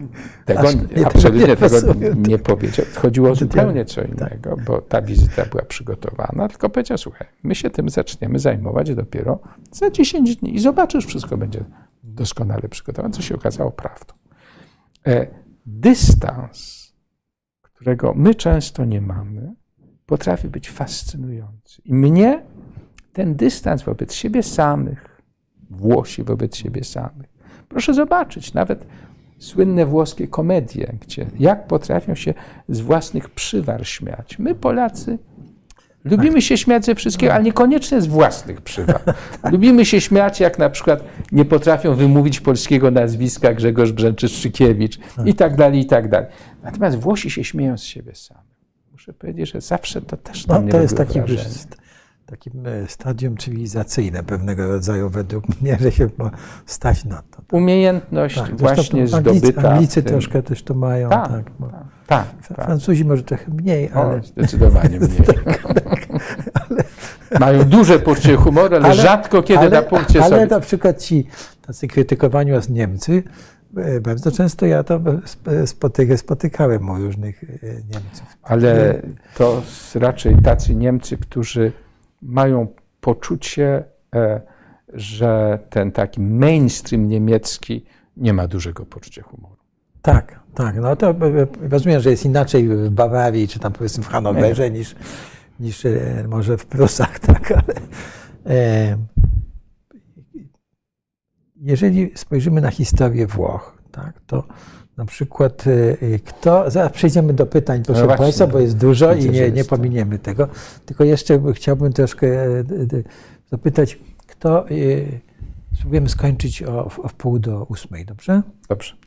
Y, no, Napoleon, jaką odegrał rolę? W ogóle jakie państwa, czy jacy przywódcy światowi są tak e, najgorzej, czy Y, nie wiem, największą rolę odegrali, czy, czy Włosi mają w ogóle takich, takie jakieś swoje państwo, tak jak my mówimy, no zawsze ci Niemcy, prawda, my mamy to między Niemcami a Rosją nasz, nasz dylemat. Znaczy, a jak, tak. to, jak to jest u nich z tym takim strategicznym pojmowaniem otoczenia? Bo to dla, wspomnieliśmy, dla że na... partnerzy są, którzy, którzy, którzy wpłynęli na ich historię, no można powiedzieć tak, że z jednej strony oczywiście to jest kraj, który ze względu na swoje e, bardzo trudne położenie, bo, bo ten, ten wydłużony e, półwysep, który wymaga obrony granic morskich, które są praktycznie nieskończonej długości, jest tak. kilka tysięcy kilometrów do, do, do obrony. I tak, powstający między Afryką Bliskim Wschodem, czyli e, jednocześnie e, są wpływy bizantyjskie, które widać e, we Włoszech, czy to w postaci cudownych mozaik, takich, które nie zachowały się nawet na terenie dawnego państwa bizantyjskiego, a są w Rawennie. To jest, to jest absolutne arcydzieła z czasów Justyniana, cesarza Justyniana, czyli z wieku VI. Ma pan potem ten okres znowu bizantyjski drugi, kiedy, kiedy jeden z cesarzy ottońskich, Oton II, e, poślubił e, Teofano, księżniczkę, e, księżniczkę bizantyjską i stworzył absolutnie niewiarygodne piękno bizantyjskie na Sycylii. Są kaplica pałacowa w Palermo, Monreale, cudowne zabytki sztuki sztuki bizantyjskiej. Są wpływy e, arabskie, które, które idą od dołu. Proszę pamiętać, że Tunis leży bardziej na północ niż e, niektóre wyspy włoskie, czyli jakby powiedzieć, co jest północ, co południe, jest troszkę zachwiane. Na terenie Sycylia była przez wieki muzułmańska. E, czyli e, no już mamy do czynienia z tym, że Włochy musiały się odnaleźć pomiędzy, pomiędzy tymi e, kierunkami takimi strategicznymi. Potem przychodzi kwestia partnerów. No, Niemcy były zawsze traktowane historycznie jako zagrożenie dla, dla, dla Włoch. My mamy wypaczony fałszywie zupełnie obraz Włoch jako państwa, które w czasie II wojny światowej było sojusznikiem Hitlera i tworzyła razem z, z Niemcami i z Japonią oś. Mhm. Natomiast to było wbrew, powiedziałoby się, całej e, naturze włoskiej. Włosi nie mieli minimalnej e, sympatii dla Niemców, e, podczas gdy odwrotnie dla Niemców e, podróż do Włoch była elementem nieodzownym do tego, żeby zdobyć cywilizację. Proszę pamiętać, że w końcu no, sam Goethe jeździł i, i, i czy zna, znasz li ten kraj, gdzie cytryna dojrzewa? To tak. jest Goethe. Prawda? Y, konieczność y, poczucia się człowiekiem wykształconym to znaczyła, to znaczyła właśnie podróż do Włoch. Y, do Włoch, do, do Niemców zawsze stosunek z dużym dystansem, co do dzisiaj funkcjonuje. Jest Hiszpania, która na skutek rozmaitych procesów, po pierwsze, Hiszpania w XIV wieku, szczególnie jej część nadborska, czyli, czyli obecnie Katalonia, wówczas w ramach Królestwa Aragonii, e, zyskuje władzę nad całą e, zachodnią częścią Morza Śródziemnego i staje się, staje się władczynią całych południowych Włoch. Dynastia aragońska rządzi, rządzi, rządzi, e, rządzi Neapolem. Później, już w późniejszych czasach renesansu, no, obecność hiszpańska we Włoszech jest bardzo silna. Mediolan był miastem e, okupowanym przez, przez, przez paręset lat przez Hiszpanów. Potem są Francuzi. Francuzi, którzy mają znowu, troszkę podobnie jak Niemcy, tę wizję, że, że e, ich wielkość będzie dopiero wtedy e, pełna, jeśli, jeśli ich władca zyska władzę nad Rzymem.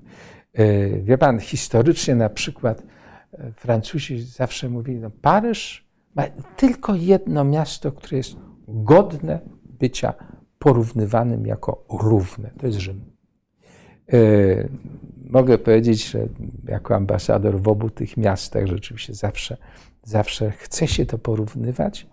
Mogę powiedzieć, że wielokrotnie pytano, to setki, tysiące razy która stolica bardziej mi się podoba, czy Rzym, czy Paryż, kiedy pracowałem? Zawsze odpowiedź jest bardzo prosta, kiedy chwilę pomyśleć. E, niewątpliwie Paryż jest e, istotniejszy z punktu widzenia polityki światowej, natomiast bez cienia wątpliwości Rzym jest piękniejszy. Nie ma cienia wątpliwości. E, no, tak, Włochy dla Francji stanowiły ta, to, ten, ten, ten, ten jakby podnóżek do tego, żeby stać się tym e, hegemonem Europy. Napoleon koniecznie chciał przyjąć w końcu pozę cesarza rzymskiego. Swoje, notabene, poza tym, proszę pamiętać, poza tym, że był cesarzem Francuzów, koronowanym jako Rzymianin, jak Rzymianin, jednocześnie był królem Włoch. On miał jednocześnie tytuł króla Włoch, koronował się w tradycyjnej, średniowiecznej e, e, katedrze w Moncy pod, pod Mediolanem, używając do tego tak zwanej żelaznej korony, czyli korony pochodzącej z czasów jeszcze wczesnego średniowiecza, zbudował sobie pałac królewski jako król Włoch w Wenecji. Mało kto zwraca na to uwagę, ale na placu Świętego Marka, w głębi placu Świętego Marka, naprzeciwko e, Bazyliki Świętego Marka, jest e, jedna z tych kolumnat. To jest kolumnada Pałacu Królewskiego. To Pałac Królewski Napoleona jako króla Włoch.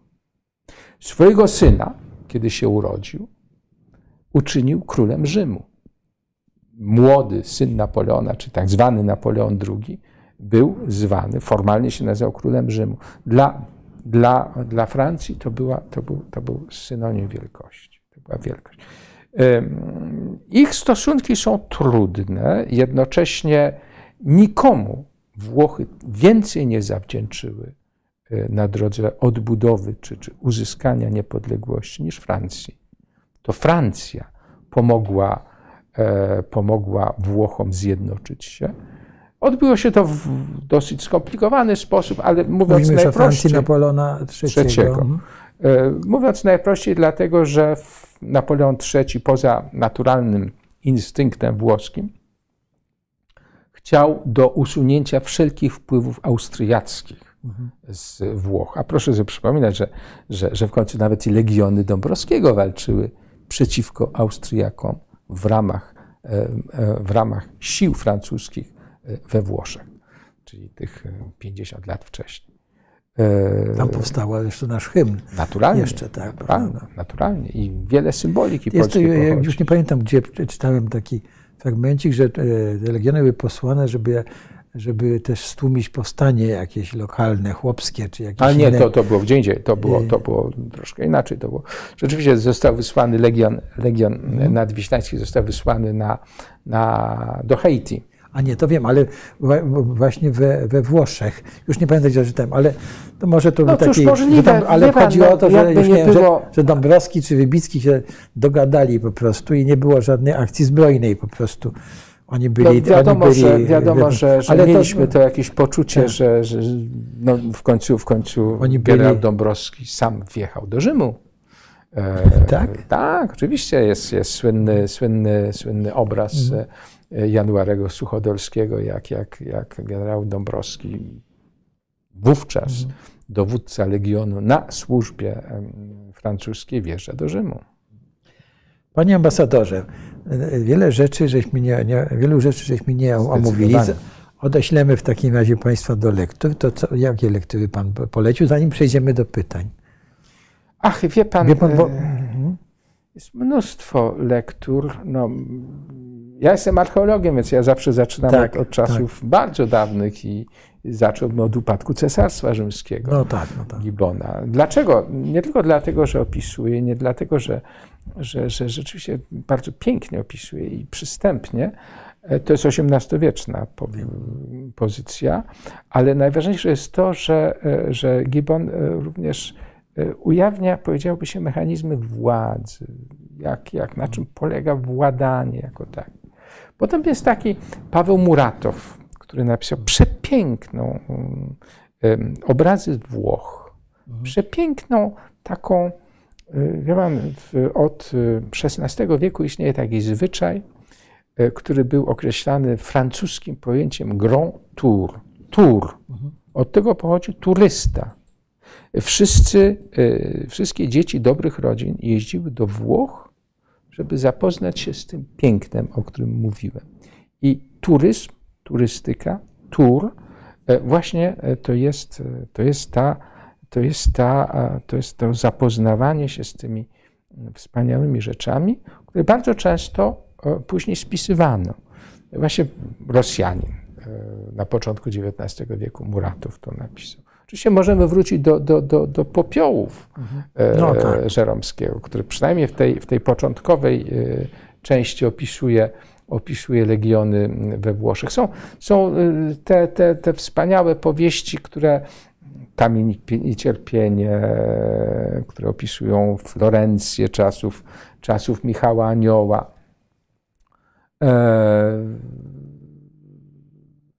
A taka historia Włochów, nie pamiętam, kto był autorem, taka przekrojowa e, książka. To jest, tak, tak, tak, tak, tak, przez, nie pamiętam. profesora Józefa Gierowskiego. Józef Gierowski, rektor Uniwersytetu Jagiellońskiego. To takie przekrojowe. Tak. No i oczywiście e, Polecamy, żeby Państwo wyszukali sobie. Proszę Państwa i Panie Ambasadorze, żeśmy, e, tak, już, już wrócimy do nich. Nie poruszyliśmy tutaj ani kwestii faszyzmu we Włoszech, prawda, ani tego okresu, no ale rozumiem, że po to są lektury, żeby sobie po, przeczytać, poznawać, no i może jeszcze wrócimy do tego tematu, jeśli Pan Ambasador pozwoli, a teraz może rzeczywiście pytaniami zajmijmy, bo może tam się pojawią nam e, e, pytania. Więcej mamy Prawo rzymskie, tak. No to rozumiem, że tu Państwo komentowali, komentowali to, co mówiliśmy. W którym wieku lub przy okazji jakich wydarzeń znaczenie kultury włoskiej zostało wypierane przez niemiecką lub francuską. Ja myślę, że e, trudno powiedzieć, że chyba, wypierane. Chyba, to się, chyba nie, to się nie stało, nie? Z całą pewnością język włoski nie jest językiem, który jest tak międzynarodowy, w związku z tym bardzo jest, e, Włosi to bardzo źle od, odczuwają, że, że ich język nie ma takiej rangi jak, jak francuski czy angielski. Ale proszę pamiętać, że na przykład e, no, opery bez włoskiego nie sposób sobie tak, wyobrazić. Ja zresztą sposób. mówię, że po to się nauczyłem włoskiego, bo jako no tak. miłośnik opery y, dla mnie dźwięk języka włoskiego jest, jest, jest, jest wieczną no, w ogóle rozkoszą. Nie, nie, nie rozmawialiśmy tutaj o całej popkulturze włoskiej, o, o piosenkach Ale włoskich. naturalnie, prawda? wspaniale. W filmie, piosenkach. tak, tak, o, tak. O, o, nie wiem, prawda, o Antonioni, o, o Verdi, tak możemy wymieniać tutaj. Tak? Pod wielkim wrażeniem, pod wielkim wrażeniem włoskich kompozytorów był Chopin. Mhm. Czasem się nie zdaje z tego sprawy. Akurat rocznica urodzin Chopina minęła, minęła wczoraj. E, mhm. Chopin był wielbicielem bel canto włoskiego. Śmieszne, bo, bo w związku z tym zarówno pisał e, wariacje na temat Rossiniego, Belliniego, mhm. E, Donizettiego, to ci trzej wielcy, którym, mhm. którymi się interesował. Ale ciekawa rzecz, napisał przepiękną barkarolę, cudowną barkarolę. Mhm. Proszę sobie wyobrazić, że, że Chopin nigdy nie był we Włoszech. Raz przepływał no. przez Genuę. To jest jedyny raz, jak płynął na, na, na, na Majorkę. Nie znał, nie znał Wenecji. Y, jego, jego Barcarola, to bez mała widać te fale i, i ten, ten, ten, to srebro księżyca, y, które się gdzieś tam na falach... Barcarola powstała już jak był właśnie na, na Majorce, czy... A prawdę powiedziawszy, nawet nie, nie pamiętam, kiedy powstała. Nie, to było, na Majorce to, to, to smutne raczej smutne, tak, rzeczy, tak, ale bo był w złym nastroju. Chyba wtedy. raczej tam nawet nie, nie tworzył. Tworzył, naturalnie, że tak. No, oczywiście preludia tworzył. Na, no tak, ale to też smutne. No. A właśnie smutne deszczowe. Tak, dobrze. Czy czasy upadku Rzymu bardzo przypominają czasy w Unii Europejskiej dzisiejsze? Tu pan skomentował, pan Adam, ale chyba ja bym się z tym nie zgodził. Nie, ja się zdecydowanie nie zgodzę. Znaczy, ja uważam, że e, w tej chwili Unia Europejska przeżywa coś w rodzaju renesansu. Jak pan patrzy na to? Jak już no, cały czas jesteśmy we Włoszech. Nie, ja myślę, że, to, że, że nie, my, my budujemy coś zupełnie innego. Tak, że pani... Jaka jest różnica między Unią Europejską a, a, a, a, a Rzymem? No, Rzym antyczny stworzył wspaniałą cywilizację. Proszę pomyśleć, że ta cywilizacja do dzisiaj na przykład y, jest taka, że, że drogi rzymskie nadal są używane i są dostępne w ruchu. To jest, to jest tak wspaniale zbudowane, że trwa ale, ale proszę kilka tysięcy lat. Patrzeć też na ten aspekt, że pomyślane. To znaczy, że były wytyczone na kierunkach. Wytyczone, ale potem jak zrealizowane te, te, te, te e, utwardzanie poziomu na poziom, tak, żeby to nie jest samo położenie e, kamieni, kamieni tylko to jest tak utwardzone na, na głębokość, że ta warstwa zewnętrzna, czyli ta, która jest, e, którą widzimy, która jest tą stricte drogą, do dzisiaj pozostaje sprawna i możliwa do ruchu. Nie używa się jej dlatego, że to jest oczywiście nie jest łatwe i plus zabytek, ale to jest cały czas, to, to cały czas istnieje. E, Cesarstwo Rzymskie oczywiście e, musiało paść ofiarą rozmaitych procesów, które były procesami społecznymi, e, gospodarczymi, politycznymi, niemożności, na przykład niemożności utrzymania jednolitej władzy, która by y, mogła y, kierować, być kierowana z jednego miasta na imperium, które miało kilka tysięcy kilometrów od Portugalii do Iraku. Proszę pomyśleć. Jak tym zarządzać? Od, y, od Szkocji do Tunezji, Egiptu. Zarządzanie choćby wysyłanie informacji, y, nawet przy dobrych y, drogach, stanowił olbrzymi problem. To, to nie było możliwe, żeby tak, w taki sposób. Niektórzy twierdzą, że właśnie Gibbon twierdzi, że moment, w którym imperium y, poszło o jeden most za daleko, jak to mhm.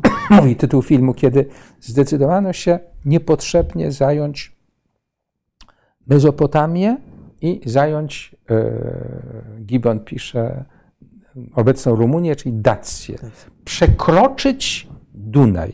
Jak on twierdził, niepotrzebnie. Ta, ta, ta granica, jego zdaniem, była absolutnie doskonała, czyli, czyli utrzymanie się w pewnych, w pewnych, w pewnych, w pewnej wielkości. No dobrze. Może to jest przestraga dla Putina, że nie należy się zapewne Naturalnie, że tak, ale oczywiście, że tak. No ale oczywiście, że tak. E, oczywiście, że tak. Więc to jest jedno. Drugie, że no, następują procesy, y, im dalej się mieszka od tego centrum, zaczynają się procesy odchodzenia od wspólnego języka, zaczynają się tworzyć indywidualne y, na to się mówi języki wulgarne, czyli coś, co się staje francuskim, starofrancuskim, francuskim, potem języki e, Półwyspu Iberyjskiego, które już nie są łaciną, tylko rozmaitymi językami, dzisiaj e, uważanymi za języki Królestwa Hiszpanii, prawda? Nie tylko, nie tylko kastylijskie, ale... W tej Anglii jakieś saksońskie zaimki, tak? Tak, oczywiście. I, i, i, i no do dzisiaj w Anglii mur Hadriana istnieje tak. cały czas. Ale ja rozumiem, że tutaj pan Adam E, mówił, że Unia Europejska jest w takim, e, no właśnie, upadku, w sensie, że nie. jest źle zarządzana. Nie jest, nie jest, no, nie jest upadku. Ja jest, jest z całą pewnością, musi się, musi się e, przekształcać. No bo i sytuacja jest inna. Bo świat się zmienia. Dzisiaj tak. byłem na, na wielogodzinnej dyskusji, debacie. E, oczywiście nie jest to proste, jak nie jest proste spowodować, żeby ludy, które przez wieki były dla siebie wrogami, chciały pracować razem z sobą, żeby zlikwidowały między sobą granice. Przecież to jest dla nas, my przyjmujemy pewne rzeczy jako oczywistość. Natomiast no ale Włochom się to udało, prawda? Chyba, Tym państwom włoskim. E, tak, ale chcę Jeśli już mogę nawiązać do... Ja, ja nawiązał do czego innego. Pan mówił o faszyzmie, do którego nie, nie, nie, nie, nie doszliśmy. E, nie można zrozumieć obecnych Włoch również bez tego, czym dla nich był faszyzm.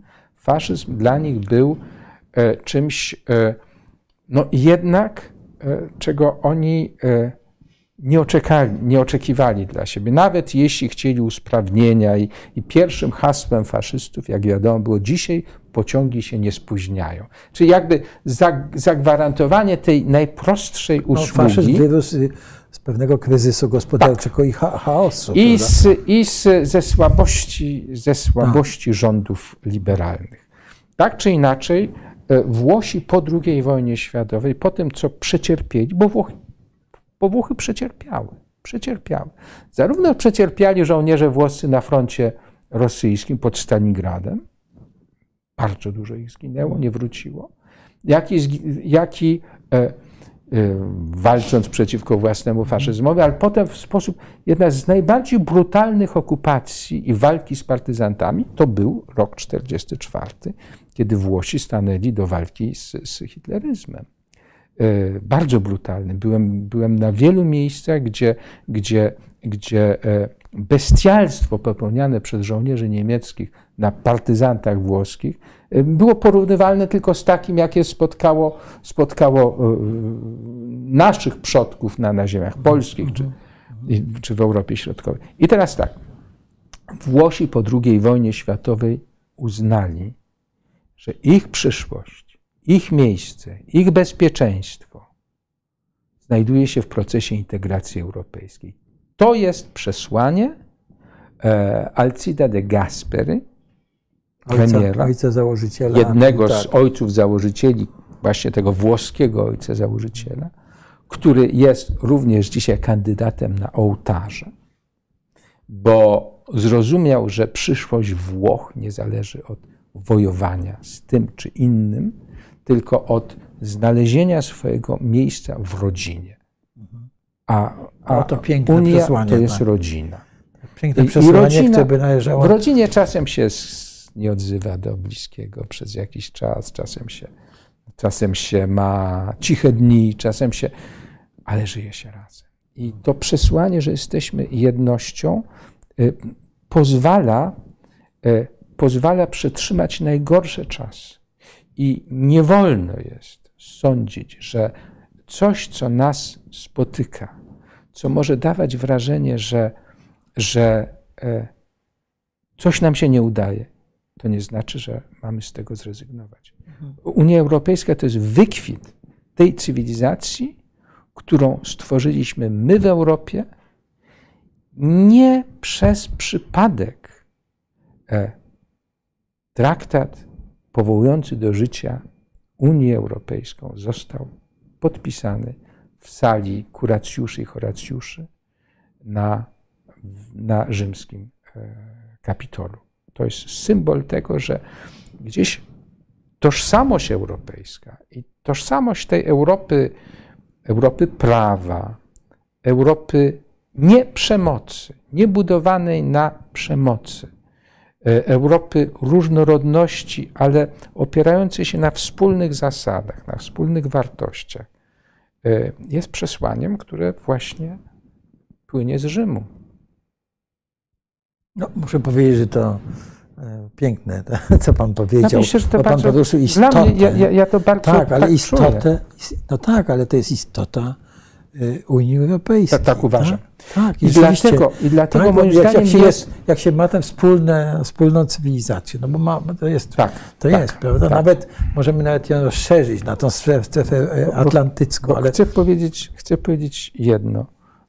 Unia Europejska to nie są, e, to nie jest euro, to nie są wspólne polityki. Tak. To jest poczucie przynależności do jednej I rodziny. Dopłaty do rolnictwa też. Tak. tak jest, tak jest, tak jest. Tutaj jeden z mhm.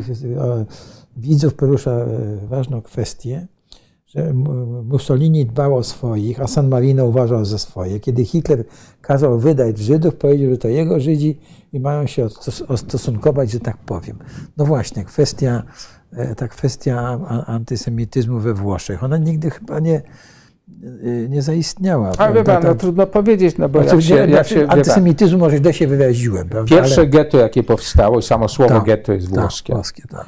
Getto powstało w Wenecji i jak się czyta, jak się czyta kupca weneckiego, to oczywiście widać w tym, e, że, że antysemityzm towarzyszył temu. Ale e, po pierwsze, e, różnice kulturowe były dużo mniejsze niż na przykład to, co, spotyka, co spotykało Żydów na Nie, no, północ no, od Alp. Ja rozumiem, że panu Adamowi tutaj chodzi o to, że z jednej strony był Holokaust, prawda? Tak, I, tak. Ja, ja, ja, chcę, ja, chcę, ja chcę troszeczkę wyjaśnić. Jeśli chodzi o, jeśli chodzi o e, Żydów włoskich, trzeba pamiętać, że przede wszystkim to ma olbrzymie znaczenie. To trzeba przypominać, że e, funkcję protektora w takim prawnym znaczeniu słowa od wieków wspólnoty rzymskiej sprawował papież. Papież był, był formalnie protektorem i gwarantem bezpieczeństwa Żydów. Dlatego tak ważny na przykład był ten gest Jana Pawła II, który się udał do, do synagogi, który jest zapamiętany, który jest cały czas żywy. E, e, Mussolini, funkcjonując w ramach Włoch, nigdy nie mógł sobie pozwolić na zrobienie takiego gestu, który by który by mm, e, odsuwał go od pewnej tradycji włoskiego traktowania. Przy czym trzeba pamiętać, bo nie wolno idealizować, proszę pamiętać, że, że, e, że jednak Włosi, e, Mussolini przeprowadził ustawodawstwo rasowe, czyli takie jak, jak były ustawy norymberskie, tak również prawo rasowe wprowadzili Włosi. Za co, notabene, przy każdej okazji się mówi, odpowiada również król E, Wiktor Emanuel III, który podpisał ustawy rasowe. Także antysemityzm państwowy również istniał. Był ograniczony, nie miał charakteru oczywiście takiego szaleństwa ideologicznego, jak w przypadku i nienawiści rasowej, jak w przypadku Hitlera. Nie ma nic z tym wspólnego, ale też nie można wybierać, że, że, że zupełnie inny świat. Nie. Znaczy, ja rozumiem, że jeśli chodzi o deportację i już to, yy, no, to się wydarzyło. Proces się zaczął dopiero po, po, po, po tym, kiedy. W Niemcy tak, wkroczyli, prawda? Tak, tak. Dobrze. Yy, właśnie tutaj jeden z panów też pyta, pan Karol, mhm. północ, południe. Jak, no, bo, no, bo, no, no, właśnie, jak Włosi, jak Włosi to sklejają? Co jest, już mhm. mówiliśmy, że pan, pan mówił, że język włoski jest tym jednym z tych. Y, jest jednym ze tak. spoi. No dobrze, ale mamy północ i południe. Drugim spoiwem no była no. kuchnia. Śmieją się, że Włochy się dzielą na dwa. na dwie części. Północ to jest kraj ryżu. Cała dolina Właśnie, my nawet nie, padu. nie wyobrażamy sobie, jak dużo ryżu produkują Włochy. Jakieś zajrzałem takich roczników. Także risotto. No, piąty jest, kraj na świecie tak. chyba. Cała północ to jest ryż, całe południe to jest makaron. Makaron jest południowy, nie północny. E, podobno wielkim problemem zjednoczonych Włoch było to, że generalicja pochodziła z północy, była piemoncka, kazała dawać żołnierzom do jedzenia ryż, którym oni pluli. Oni sobie życzyli makaronu, bo byli przyzwyczajeni do makaronu. Więc e, moment, kiedy się zaczęła ta kuchnia zbliżać, jest również element. Trzeci element całkiem serio, to było radio. Radio zjednoczyło Włochy. Natomiast różnice, olbrzymie różnice e, kulturowe między północą i południem są różnicami e, modelu państwa. Północ generalnie jest jest tym e, opartym o wolność miejską, o, o mm, samodzielność obywatelską. Południe jest oparte na tradycyjnym, jeszcze sięgającym Rzymu klientelizmie. Mm. Czyli wierność jest wiernością klienta wobec patrona. To jest ten system. Notabene z tego niektórzy tłumaczą, że, że, że fatalny system polityczny Włoch który został stworzony po zjednoczeniu, jego słabością, twierdzi się, było to, że Cavour, czyli pierwszy premier, twórca Zjednoczonych Włoch, uznał, że przy tak zróżnicowanym kraju, który pochodzi z tylu różnych państewek, jedyna forma zbudowania więzi to jest podkreślenie właśnie klientelizmu, czyli więzi tej pionowej, nie tworzenia jedności państwowej, tylko tej e, lokalnej, e, lokalnego związku między, między władzą i, i, i obywatelem. Tak? I ta klientelizm jest czymś bardzo złym. E, to, to bardzo, bardzo wynaturza politykę, związek, bo, bo czyni ten związek jakimś związkiem obietnicy za coś, prawda? Czyli każdy, każdy ten klient będzie żądał od patrona załatw mi coś. Stąd jest to włoskie, w tym parlamencie włoskim zawsze jest bardzo, bardzo powiedziałby się, nie, nie, niezdrowe podejście. E, południe i północ. Południe strukturalnie opóźnione, ale proszę pamiętać jedną rzecz. Proszę to porównać na przykład do tego, co jest północ i południe w Stanach Zjednoczonych, wojna secesyjna. E, to istniało w wielu państwach przemysłowych. Północna, północna część Włoch przemysłowa szukała rynku zbytu. Południe Włoch, rolnicze, stało się rynkiem zbytu dla południowej, dla, dla północnej, dla Mediolanu, dla mhm. Turynu, Wenecji, produkujących. Dlatego e, ci, którzy no, stworzyli Włochy, a byli wszyscy politykami północy, starali się raczej nie rozwijać w sposób e, równo, równoważny północy i południa, tak żeby to południe było bardziej, e, bardziej kupującym, było bardziej klientem północy mhm. niż odwrotnie. I dopiero próbą zmiany, czyli budowy bardziej zrównoważonego systemu, jest Unia Europejska, bo proszę pamiętać, że to, co my znamy jako Fundusz Spójności, to, jako, to co wiemy jako te transfery, e, transfery pieniędzy do uboższych regionów, to się wzięło właśnie z potrzeby, jaką stworzono we Włoszech. Włochy w stosunku do Francji, Niemiec i Beneluxu były jedynym państwem szóstki Europejskiej Wspólnoty Gospodarczej, który miał tak olbrzymią przepaść między północą i południem, że należało ją wyrównać za pomocą systemu przepływów, tych, które określamy mianem polityk strukturalnych. I co się stało potem e, fundamentem spójności europejskiej, z której my korzystamy, łącznie z tymi dopłatami rolnymi, które rzeczywiście starają się zniwelować różnice. Proszę zobaczyć, to jest dodatkowy wpływ No, w Polsce Włoch... mamy programy Polska Wschodnia na przykład się nazywa, tak, prawda? Ale, ale chodzi bo, o to jest, to jest o, podobne myślenie. Tak, jest podobne. Ale mhm. pierwszym, który jakby uzmysłowił tę konieczność, że po to, żeby y, stworzyć coś spójnego, trzeba, trzeba doprowadzić do, do zrównoważenia to, to, to był właśnie Włochy. Co nie znaczy, że to się im powiodło. O, to jest trudne. E, z licznych powodów wiemy, że przestępczość zorganizowana ma w tym olbrzymi wpływ. Na to ma olbrzymi wpływ, hamuje jakiekolwiek próby e, uzdrowienia polityki, to dobrze wiemy, to powszechnie wiemy.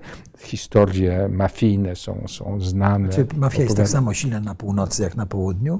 To jest co innego, wie pan. Mm -hmm. Po pierwsze, e, ja zawsze mówię, że te tradycyjne podziały północ-południe bardzo się już zmieniły, dlatego że bardzo wielu ludzi pracujących na północy to są ludzie z południa.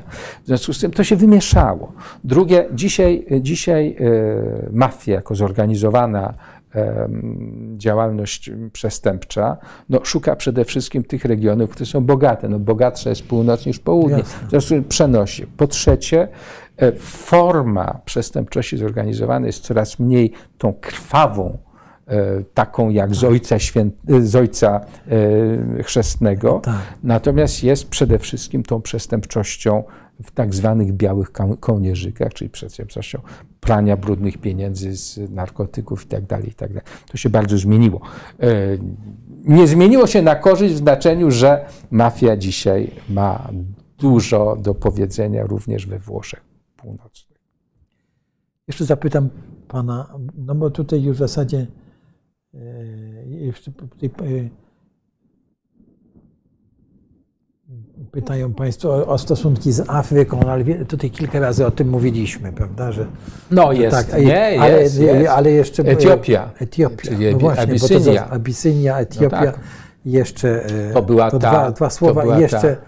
Chodzi mi jeszcze o uchodźców. No Włosi mieli olbrzymią, jako nowe państwo, które aspirowało do takiej roli w końcu XIX wieku, jak Francja, Niemcy. Oni no. zawsze uważali, że no, szukają tego porównywalnego statusu Francji, Niemiec, w, y, Wielkiej Brytanii nawet.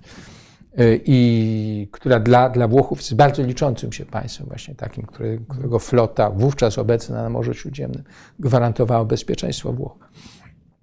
Otóż Włosi zapragnęli posiadania kolonii. Koniecznie chcieli mieć kolonię, a ponieważ wszystko było rozdzielone, no więc zaatakowali jedyne niepodległe państwo, nie, nie, jedyne niepodległe państwo, jakim była Etiopia, za pierwszym razem, potem drugi raz już na Mussoliniego, plus w ramach rozpadu państwa otomańskiego, osmańskiego, czyli Turcji, rozpadu jej części afrykańskiej, zdobyli Libię.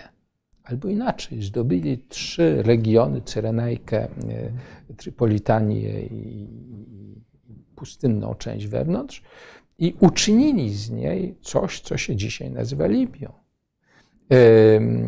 Włosi uważali, zresztą Kościół katolicki bardzo to wspierał, że, że niosą, niosą ten, ten również e, ten, ten dar cywilizacyjny, e, trzeba pamiętać, że ten dar cywilizacyjny miał się przedstawiać w postaci tego, że właśnie do barbarzyńskich krajów, no, pamiętajmy, że, że Etiopia była najstarszym królestwem afrykańskim, który zachował od tamtych czasów do dzisiaj wiarę chrześcijańską w swojej formie i ta, ta piękne koptyjskie chrześcijaństwo do dzisiaj, do dzisiaj funkcjonuje. Oczywiście coraz gorszym stanie, bo, bo, bo taki jest los niestety y, chrześcijan afrykańskich, ale wystarczy pójść do, do Muzeum Narodowego i zobaczyć, jak piękny jest y, ten, ten zachowany kościół z Faras, katedra świętej Katarzyny z Faras, jej freski, które,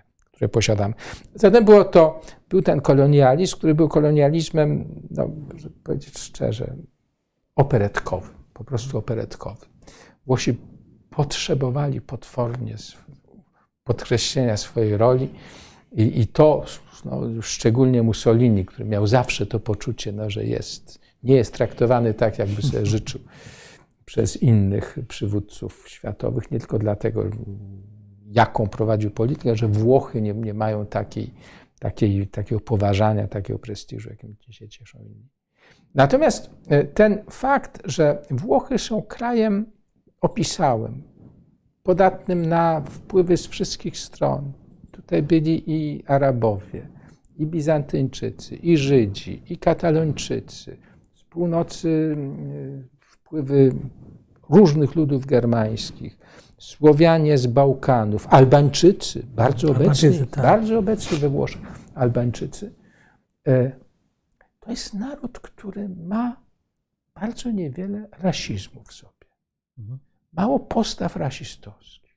Ponieważ jest, jest krajem, który był krajem zawsze, przez który się przejeżdżało, krajem, który, który, w którym bywali różni. E, to jest kraj, który nie odczuwa takiego, takiego, e, takiego powiedziałbym, nacjonalizmu czy szowinizmu tych wielkich państw, które uważają, że są władcami świata.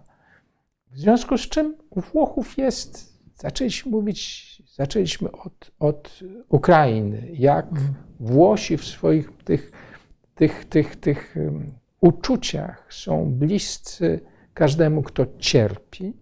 No Włosi pokazali się w sposób niewiarygodny podczas kryzysu, y, podczas kryzysu uchodźczego, gdzie to państwo, które słynie z tego, że jest źle zorganizowane, co muszę powiedzieć z przykrością jest prawdą, y, gdzie wszystkie służby publiczne są na bardzo niskim poziomie.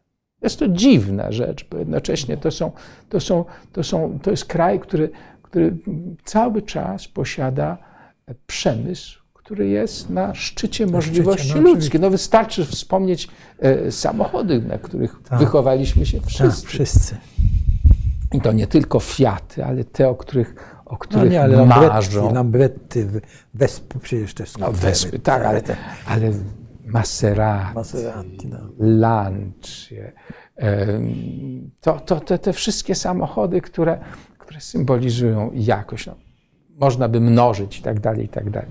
Otóż yy, chcę powiedzieć, yy, Włosi, kiedy zaczął się kryzys yy, humanitarny, kiedy na skutek całego, całej serii wydarzeń, między którymi również likwidacji dyktatury pułkownika Kaddafiego w, w Libii i, i, jakby otwarcia granic, y, i zaczął się ten ruch y, płynących tymi, tymi pompowanymi pontonami, którzy przepływali po 200 kilometrów, wywożeni przez, przez, przez paserów za potworne pieniądze, czasem zostawiani na morzu, tonący.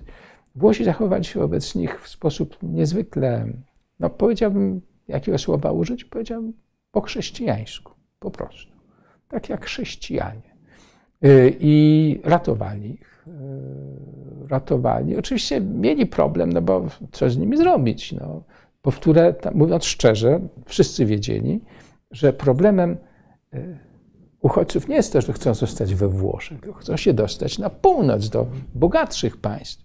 Kiedyś, jak w 2016 roku, Austria postanowiła zablokować granice. Nagle się okazało, że problem się zrobił we Włoszech, dlatego że dworce w Mediolanie, a nawet w Rzymie, stały się e, no, po prostu ilość ludzi, która się tłoczyła, która czekała na pociągi, a nie mogła wyjechać, dlatego że Włosi zablo- e, Austriacy zablokowali granicę, uniemożliwiając im przedostanie się na północ, w stronę Niemiec, Holandii, Skandynawii, do których ci uchodźcy zmierzali. Czyli Włochy nie były e, miejscem docelowym, tylko tranzytowym. Ale mm, społeczeństwo włoskie, to widać w polityce nawet, że w polityce nigdy nie wygrała żadna formacja polityczna, która, by, e, która byłaby wrogo nastawiona do tych nieszczęsnych ludzi, którzy przebywali. Proszę zobaczyć, w zeszłym tygodniu był kolejny kryzys, tak. znaczy oczywiście tam tak, chodzi o 200 tak. osób, ale i nagle ten rząd, który był tutaj zapowiadany, postfaszyści, prawica, skrajna prawica, jest rządem, który kontynuuje tę samą politykę pomocy humanitarnej ofiarom, e, ofiarom, mm, ofiarom e, wydobywanym z morza. Nic się nie zmieniło. Włosi są, e, Włosi są z całą pewnością lepsi niż polityka, która nimi rządzi. Tak rozumiem, że na tym może e, zakończmy. Proszę Państwa, bardzo Państwu dziękujemy. Tutaj no, są jeszcze pytania o sprzedaż technologii za żelazną kurtynę niż inni. No, ja nie wiem, czy to jest prawda. A czy coś złego w tym, że, tak. że, rozwinęliśmy, że rozwinęliśmy przemysł samochodowy dzięki temu, że tak, Włosi tak, nam sprzedali licencję? Technologię, no tak. No. Wie pan, y, wolny świat od tego nie runął, Przecież a komunizm na, nasza, się skończył. Nasza cała kultura motoryzacyjna, tak, no to był Polski od Fiata 508 tak, do, do Fiata tak. tego 600, tak, czy 650. Tak, tak, tak. Dobrze, proszę Państwa, bardzo Państwu dziękujemy za spotkanie z nami. Panie ambasadorze, naprawdę bardzo Panu dziękuję za to spotkanie, byliśmy zaszczyceni. Bardzo mi miło było. I, i w takim razie dziękuję zapraszam za. Państwa na, na niedzielę, na spotkanie, będziemy rozmawiali albo trzech ambasadorów o Niemczech, albo będzie ja z Jerzym Markiem Nowakowskim, bo jeden z ambasadorów chyba będzie musiał wyjechać, Janusz Reiter. Także przełożymy wtedy, ale dodamy znać jeszcze. Dziękuję bardzo, dobranoc. Dziękuję również, dobranoc.